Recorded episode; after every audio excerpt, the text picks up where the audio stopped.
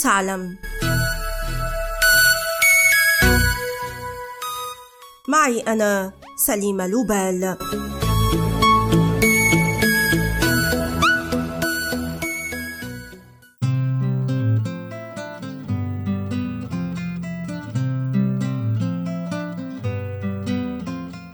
في منتصف عام 1890 لم تكن سارة بريدلوف المعروفة باسم مدام سي جي وولكر سوى امرأة فقيرة تغسل الملابس.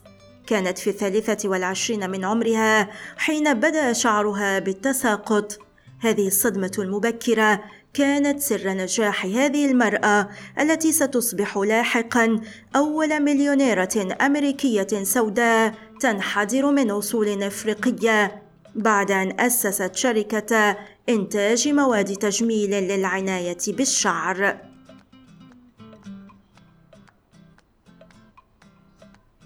ألهمت حياة وولكر نتفليكس التي خصصت لها في 2020 سلسلة بعنوان صنعت نفسها بنفسها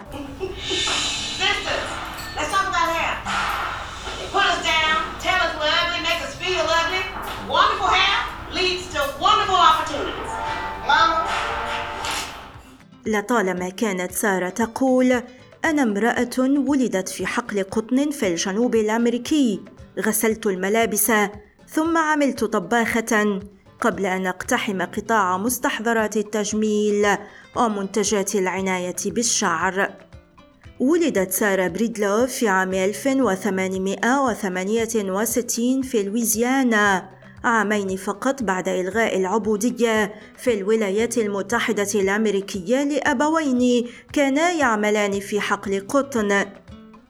لكن ما أن بلغت السابعة من عمرها حتى توفي والداها وغادرت للعيش مع شقيقتها وزوجها.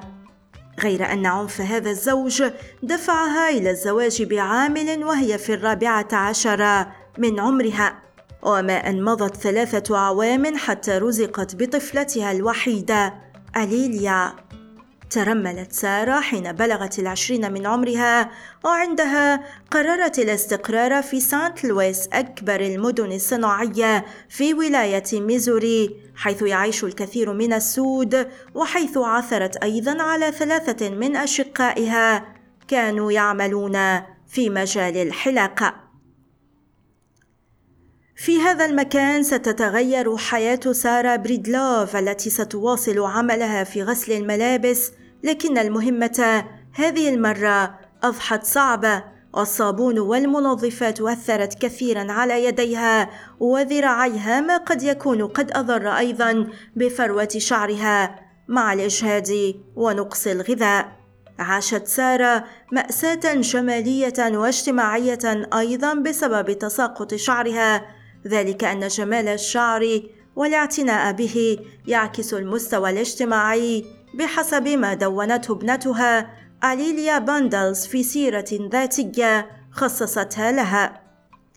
اختبرت سارة العديد من العلاجات من دون أن تنجح، وفي أحد الأيام طرقت باب صالون حلاقة تملكه سيدة تدعى آني مينيرفا ترامبو وكانت قد طورت مجموعة من منتجات الشعر.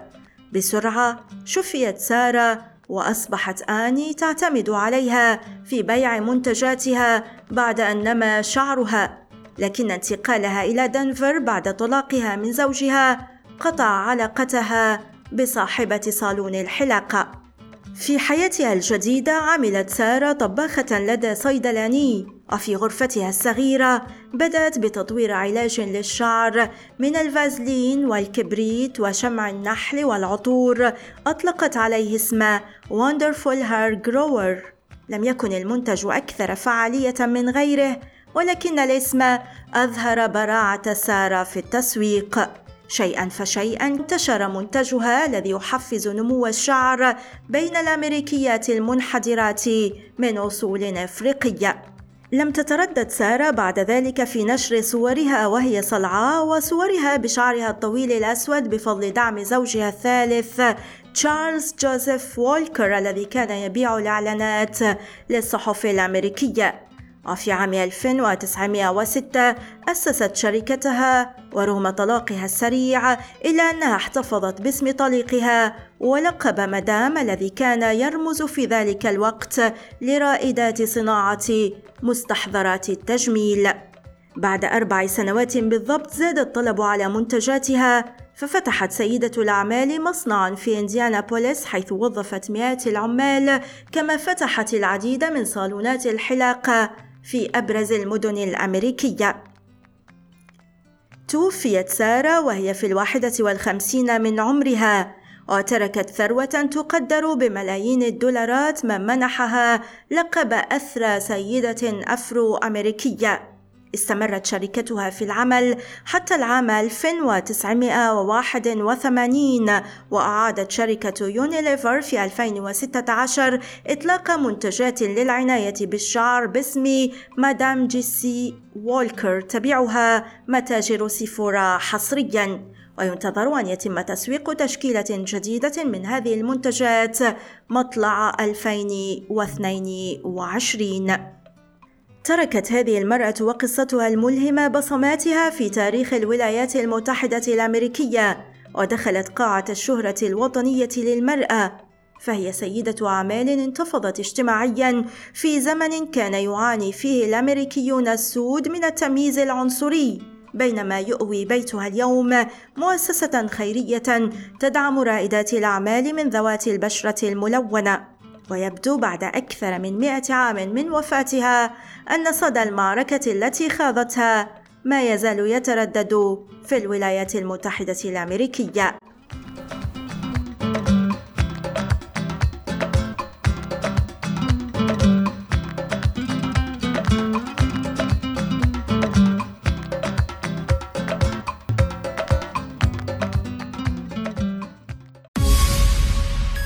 والآن إلى اللقاء مع حلقة جديدة من بودكاست هل تعلم؟